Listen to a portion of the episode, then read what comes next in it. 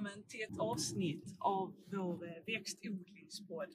Jag heter Camilla Persson och jobbar på Lantmännens odlingsrådgivning. Och idag har jag faktiskt lämnat fastlandet. Jag tänkte att eh, jag har ju en person här vid sidan om mig som ska hjälpa mig att eh, presentera. Var befinner vi oss? Jo, idag så befinner vi oss på eh, Sveriges paradisö, Gotland. Eh, så jag välkomnar er hit och eh, Jo, Odd Rundfeldt heter jag och eh, är lite sommarjobbare på Lantmännen eh, i år. Så eh, idag ska vi väl ut och kolla på lite fält. Vi har varit ute och kollat lite morotsfält och rubetsfält. Eh, men vi ska även kolla på lite spannmål. Eh, sen ikväll har vi även halvfredagdagen eh, som är eh, eh, våran försöksgård som har en dag varje år där vi presenterar lite olika sorter och lite olika försök. Så det ska bli en spännande dag. Och, eh, alltså Gotland, det är, det är ju väldigt speciellt att odla här. Nu, nu har du ju odlat här eh, väldigt länge, men du har ju även varit på fastlandet en del. Hur skiljer det sig? Jo, det är... vi eh, skiljer oss på, på en del olika parametrar. Dels så har vi har vi väldigt torrt på Gotland som eh, många säkert vet om. Eh, så eh, vi har ju ja, lite andra förutsättningar på det sättet. Men sen så har vi lite speciella ord, jordar som lämpar sig bra för specialodling som till exempel grönsaker och, och ja. Ni har väldigt mycket olika grönsaker. Det har vi. Vad, vad, vad odlas det för grönsaker här? Det odlas väl eh, bland annat morötter och rödbetar men eh, även andra typer av betar som gulbetar och polkabetar. Men vi har även lite speciella spannmålsslag som till exempel durumvete som eh, odlas för pasta. Har vi. Och det är den pasta vi kan köpa överallt i Sverige? Jo, precis. Kungsörnens pasta. Till och med märkt Gotlandspasta tror jag den är. Ja, det finns. Men det här durumbetet, jag körde förbi ett fält här igår kväll, då hade de sått det på hösten. Jo, det är ju lite speciellt med durumveten eftersom den går så både på hösten och på våren. Eh, det är väl lite svårt med övervintringen så det är en liten risk att så den på hösten kanske. Men man har samtidigt en potential att få en lite bättre bestockning och därmed även lite högre skörd om man sår den på hösten. Eh, så det är en liten risk men eh, man kan också få högre utdelning. Eh, Just det. Det är lite spännande. Men eh, än så länge är det nog ändå vanligast att man odlar den på våren. Eh, eh, gör man nog. Och för er som inte sett durumvete så är det, det är ganska kort ax och så är det väldigt borstigt vete. Precis, det ser ut som någon blandning mellan, eh, mellan korn och vete nästan. Ja. Och sen kärnorna är väldigt fina när man tröskar för de blir guldiga. Eh, så det, det, är lite som att tröska guld nästan. Det ser häftigt ut. Ja. Hur, eh, vad ligger skörden på durumvete? Den varierar väldigt mycket. Eh, man vill ju helst säga att den ska ge mellan 6 till 7 ton, men vi kommer sällan dit. Så vi brukar nog ligga runt ja, 4, 4,5 är nog det vanliga. Men ja. visst, man kan plocka högre skördar, speciellt om man sår den på hösten. Just finns det. det högre potential. Och det, är det vatten som är begränsande eller vad är, vad är det som gör att det är så stor skillnad? Jo, dels är det väl vatten och sen så vill det till att man lyckas få en bra bestockning. Det är ju, ja, den är svår att få bestockelse i, men, eh, men lyckas man med det och att man får vatten i rätt tidpunkt och, och gödsla rätt, då, då finns det potential att plocka skördar även på durumvete. Ja, härligt. Ja, men då sticker vi ut i fält och ser vad vi hittar här. Ja, men det tycker jag att vi gör.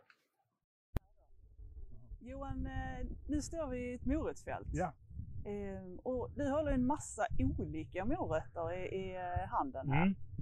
Och det är vita och det är sådana vanlig klassisk orange morot. Och sen är det någon annan sort också här. Vad är det för en sort? Det är vita och röda och sen har vi lila. Eh, det här är en lila variant som är gul invändigt så den är rätt så läcker att titta på när man delar den.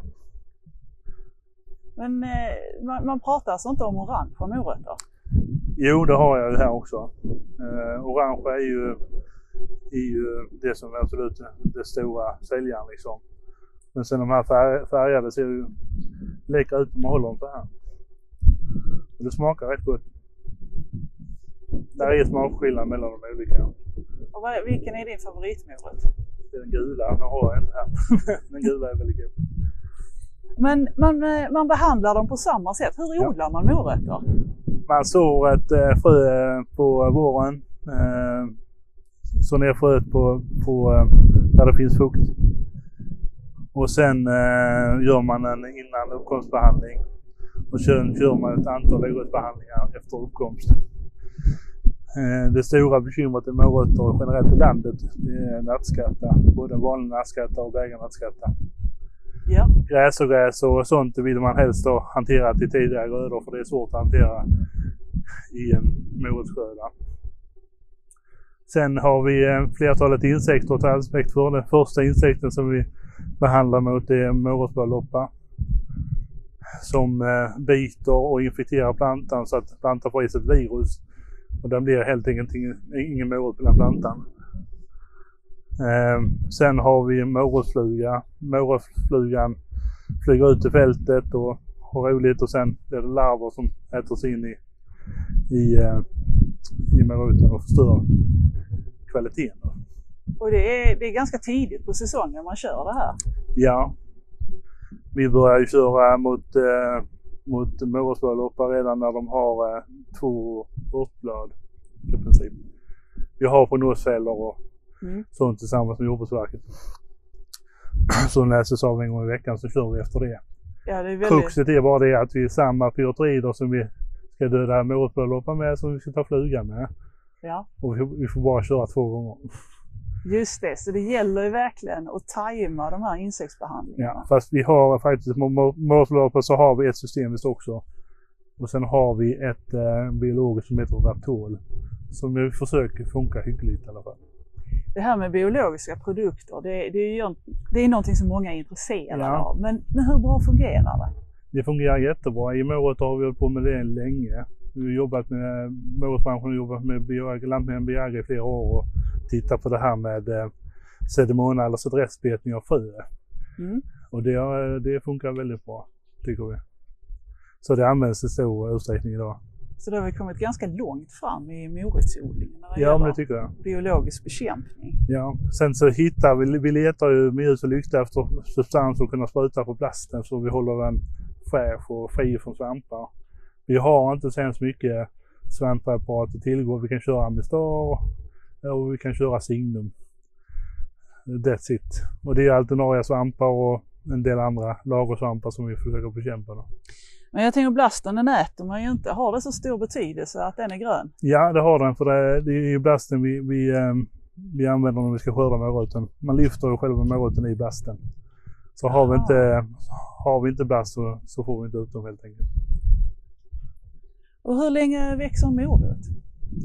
En tidig sort kan nog bli färdig på 100 dagar.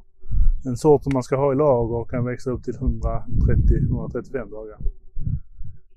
Och, är, och när den är mogen, då, då ska man plocka upp den? Ja, ju längre är någonting, eh, precis som med spannmål och vilken annan gröda som helst, när det väl är moget så ska det skördas liksom. Det klarar inte av så äh, moget i fält för då äh, angrips blasten och roten i marken angrips också med massa svampar. Och den blir ful och, och äh, går inte att sälja sen. Men eh, vi diskuterade egentligen det här innan också, kostnaderna då för, för att odla morötter. Och det, då sa du att den stora kostnaden den kommer efter upptagningen. Nej, den stora kostnaden kommer med upptagningen. Med upptagningen. Det, det är ganska, om man tittar på hela odlingskalkylen så är frö, gödning, kem ganska liten kostnad även om det är mycket pengar. Kontra eh, tiden det går åt att skörda eh, ett hektar morötter. Ett hektar morötter kan avkasta allt ifrån en tidig 60 ton till en sen 120 ton per hektar. Så det är många kilo som ska tas upp och tas hand om. Det går åt många timmar att skörda eh, ett hektar morötter Ja, så många manstimmar eh, äter kostnader. Och sen ska den då kyllagras, eh, vilket också kostar pengar. och det, det, det är viktigt att man kyler de här morötterna snabbt. Eh, morötter i, eh, de här nu vi tagit upp, de, de direkt när vi tar upp dem så blir de väldigt spänstiga i, i, sig. Men när de har varit lite i luften så börjar de mjukna rätt så fort. De försöker ju eh, hålla sig spänstiga genom att utsöndra fukt och göra omgivningen fuktig men på det sättet så torkar de ut sig själva. Det är precis som potatis fungerar. Ja, just det. Så morot som ligger med morot hjälps ju åt att hålla fukten tillsammans kan man säga. Fast Mm. en får ju till slut ge sig liksom. Och hur, hur gör man för kyla då? Man eh, har eh, kyllager, luft och, och, och stora kylbatterier. Ja. Morot ska lagras hemskt kallt. Eh, för morot gror vid väldigt låga temperaturer. En morot ska helst ligga på minus en i, i kyl. De fryser inte från minus en och en halv, två. Då fryser de morot. Är det allt sockret i morötterna Ja. som, som motverkar det? Men en frusen morot kan man absolut inte äta och man kan absolut inte sälja den. Eh, utan man ligger och balanserar hela tiden runt 0 och minus 1. Eh, redan vid plus 2, plus 3 så får de för sig liksom att oj nu har vi legat i vintervila, nu ska vi sätta igång och växa liksom.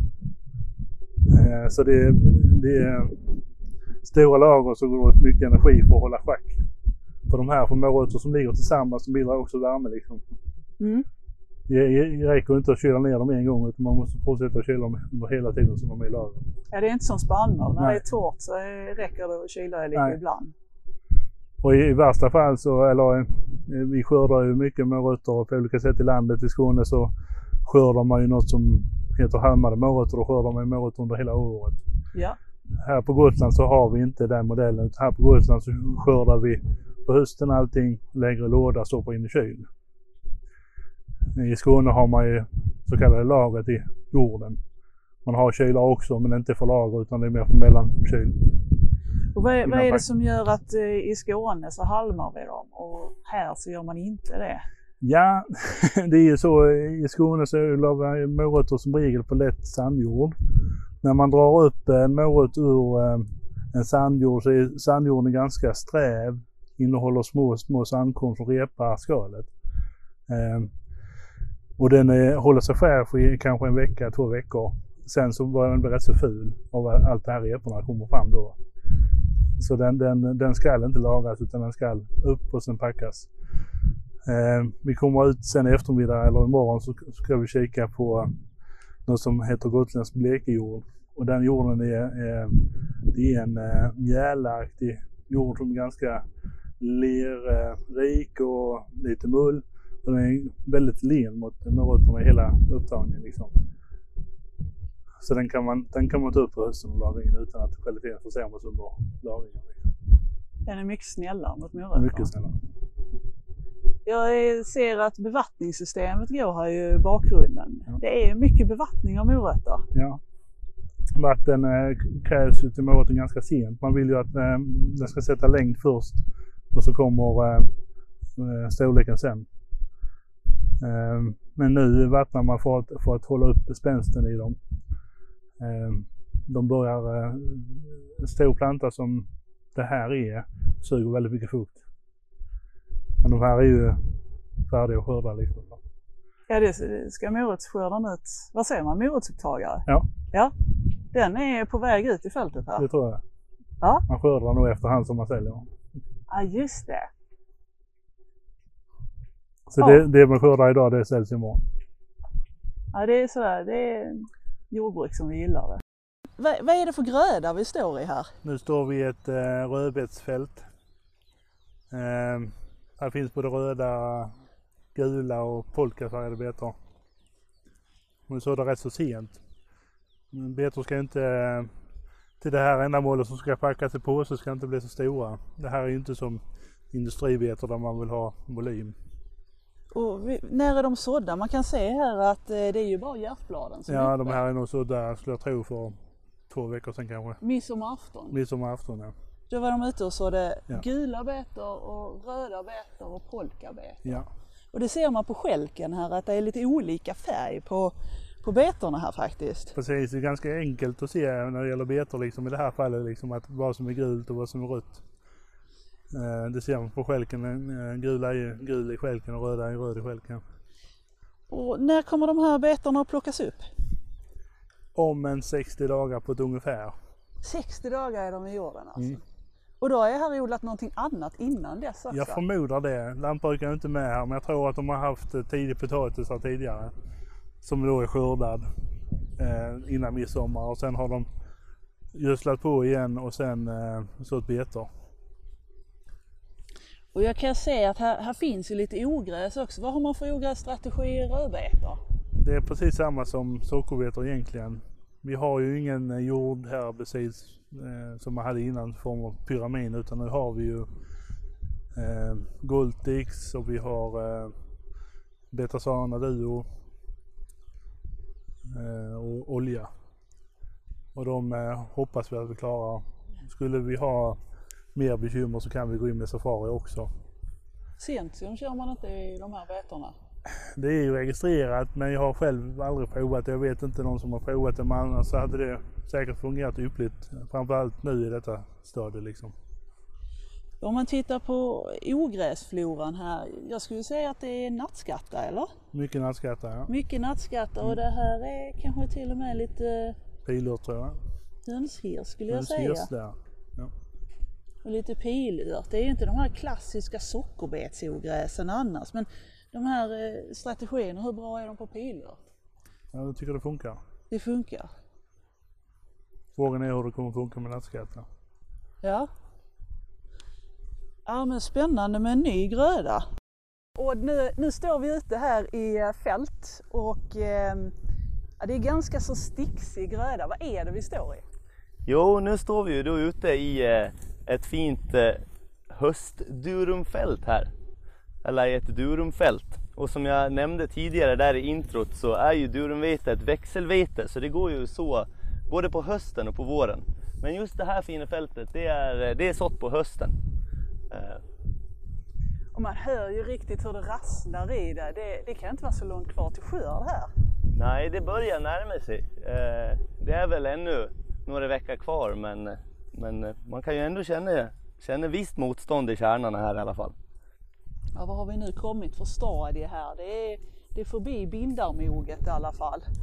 Så då har vi väl börjat komma på 80-stadierna här i, i, i DC-skalan.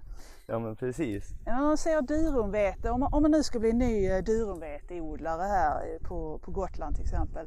Hur ska man tänka där? Är det, ska man satsa på grödan eller är det någon sån här gröda som man inte behöver lägga så mycket energi på? Eller? Nej men det är ju ändå en liten specialgröda, det är det ju. Eh, en liten cash crop om man jämför med eh, då höstvete eller vårvete hoppas vi. Så det är ju, ja, det är lite speciellt är det. Man ska ju tänka på att eh, durumvete bestockar sig väldigt dåligt så att man behöver oftast ha en liten högre utsädesmängd eh, när man sår det. Och sen så gäller det att vara noggrann med gödsling och, eh, och även eh, svampbekämpning då durumvetet eh, är lite extra känsligt mot eh, svampangrepp. Så hur, hur ofta svampbehandlar man det? Det är lite olika men man brukar som regel köra två till tre behandlingar. Men eh, det beror på hur året ser ut och är det, är det torrt så kanske man klarar sig på lite färre behandlingar. Men eh, som regel två till tre skulle jag säga. Så det är ganska så ordentligt med, med gödning då och det är ordentligt med svampbehandling. Ja precis, det gäller ju att man får, eh, får eh, rätt protein och eh, sen är det väldigt bra att odla durum just på Gotland för att eh, det är väldigt torrt och eh, durumet är känsligt för, eh, för falltal, att falltalet blir dåligt. Och då, vi har ju en ganska torr och bra skördesäsong här på Gotland. Som, så det lämpar sig väldigt bra att odla durumvete just här. Också för att vi har en kalkrik jord som, ja, det trivs. Så då måste man prioritera durumvetarna vid skörd. Det måste man absolut göra. För eh, att det är ju tråkigt om man får det nedklassat. Eh, då blir det ju fodervete. Så att man eh, vill verkligen hålla kvaliteten uppe. Ja, för då är lönsamheten helt borta om det blir nedklassat. Ja, ja den blir inte riktigt lika bra som om, som om det blir sålt som durumvete. Så är det. Vi, alltså här växer ju lite ogräs här i kanten. Kan det vara någon sån här specifikt eh, gotländskt ogräs? Är det den som är riddarsporre? Det kan nog stämma. Ja, ett av, ett av problemogräsen här. Men det, det är mest i kanten. Är det extra svårt att ogräsbehandla durumvete? Nej, det är väl inte någon skillnad egentligen mot, eh, mot vanlig vete utan man kör ofta samma strategier. Det gör man just mot ogräs. Ja men då är det, då är det skörden som är kvar här. Jajamän, det är det. Så eh, ja, nej, det här ser riktigt fint ut så det kan vi nog hoppas på att det blir en 5-6 ton, det tror jag. Ja. Ja men då får, vi, då får vi återkomma här om tre, fyra veckor och se vad det blivit av det. Jo, det Det får vi se. Durumvete, vad är, vad är skillnaden mot vanligt vete? Varför är det just durum som går till pasta? Det är ju just för att durumvetet är ett så kallat hårdvete eh, som gör att eh, när man kokar pastan så blir den lite hårdare, man får en bättre stuns i det om man bara skulle använda vanligt vete. Eh, lite mer tuggmotstånd helt enkelt. Så om man gör det på vanligt vete då blir det det här al dente, den är liksom överkokt studentpasta istället. Exakt, exakt. Det är lite mer vanlig vete i sån snabbpasta. Än, eh, det här är- blir lite mer fin pasta då utav när man har mycket durumvete i, Ja just i det. receptet. Ja. Ja men vi får väl, vi får väl provsmaka olika pastasorter tänker jag. Ja men det tycker jag. Men eh, så länge ni bara kör gotlandspasta, det är ju ändå den som är den bästa. Så är det. Och den, den är ju ganska lätt att hitta i, i butikerna här i Sverige. det, är det. det står rätt tydligt Gotlandsordet på. Sen är det gröna förpackningar så det, Ja. det syns tydligt i, i butiken. Då ska vi fortsätta vår turné här på Gotland med eh, vår podd. Eh, och Martin Holmberg heter jag och eh, är liksom eh, min kollega Camilla här också med på Lantmännens odlingsrådgivning här eh, och gör en turné. Eh, Nu står vi i ett eh, höstkornsfält Eh, och vi har med oss Odd här fortfarande och tröskan är inne på sitt andra Ventex-varv här. Vad, vad kan vi säga om det här fältet Odd? Ja, vad kan vi säga? Eh, det är väl eh, sorten Orbit vi kör här. Ett sexradskorn, eh, en linjesort som eh, tycks funka väldigt bra på Gotland. Eh, Höstkornet ser väldigt fint ut i år får vi säga för att det han mata kärnor innan den värsta värmeknäppen tog, tog ja, gav stryk till mycket höstgrödor. Så, så höstkornet har verkligen klarat sig ganska fint. Så det, det ser ut att ha ganska god avkastningspotential får man säga. Ja, det är ju så oftast ett, att en, en gröda eller en sort som har en tidig mognad kan klara sig bättre i i ett lite hårdare, ett, ett, vad ska jag säga, ett torrare klimat. Att man bygger en större del av skörden tidigt när det finns lite mer vatten kvar kanske. Eh, kan man säga. Det är inte omöjligt. Eh, vad, eh, vad ska jag säga, vad är tanken att ha efter kornet här då? För idag ska vi säga att vi har ju den, den 13 juli eh, idag. Det är tidig skörd får man säga. Vi har ju kanske en månad kvar tills den stora skörden är igång i Mellansverige så vi är ute i väldigt god tid. Eh, vad är tanken med det här fältet efter avklarad tröskning? Eh, jo precis, det är ju fördelen att det är så tidigt. Då kan man ju så tidiga, tidiga grödor som till exempel höstraps efteråt. Och det är just det som är tanken här, att vi ska ha höstraps. Och då har vi ju en månad på oss nu innan, innan den ska sås. Så vi har ju god tid på oss att ta bort halmen och sen så eh, se till att spillseden gror och ta död på den innan höstrapsen ska, ska sås. Ja, precis, precis. Och sen finns det god tid att bygga upp en bra markfukt igen här. Eh, när grödorna har mognat av. Eh, Visst och gör det det? blir någonting som rapsen sen ska kunna gro i. Eh, utmärkta, utmärkta förutsättningar. Det, höstkorn är ju, vi sa det förut, att höstkorn är egentligen den bästa förfrukten till raps om man bortser från träda. Egentligen. Men skillnaden mellan träda och höstkorn är att på höstkorn tjänar man i alla fall lite pengar. Eh, tänker jag. Eh, och vad är tanken med höstkornet här? Ska det säljas eller används det i den egna produktionen? Vi, vi har ju lite grisar på gården här hemma så att eh, tanken med höstkornet är ju att det ska gå, eh, gå till de egna grisarna. Eh, det är det. Och om vi tittar på övriga, vad ska man säga, ehm, övriga fält. För det här är inte det första fältet ni tröskar, ni har kört någonting tidigare. Vet du hur, hur har skörden legat i år hittills? Ja, vi har börjat med några fält, de som har sett mest mogna ut och eh, varit lite torkstressade och de har väl gett runt 7 ton. Vi har varit uppe på 7 och 4 på något. Så det är, det är hygglig skörd är det. Och vi har haft en ganska torr period här i juli, eller juni ska vi säga, eh, tidigare. Vi har inte fått jättemycket regn här vad jag har förstått. Nej, juni har varit väldigt torr men nu för en och en halv vecka sedan så, så kom det lite rejält med regn. Det fick såklart inte höstkornet någon nytta av men eh, som vi känner här i, i marken så finns det ju god markfukt så det finns verkligen chans för, för spillseden att gro och det känns ju, det känns ju bra ändå. Absolut, det gör det. det, gör det. Men då tackar vi för att vi har fått tala med det här återigen då i höstkornet. Så eh, säger vi på återseende.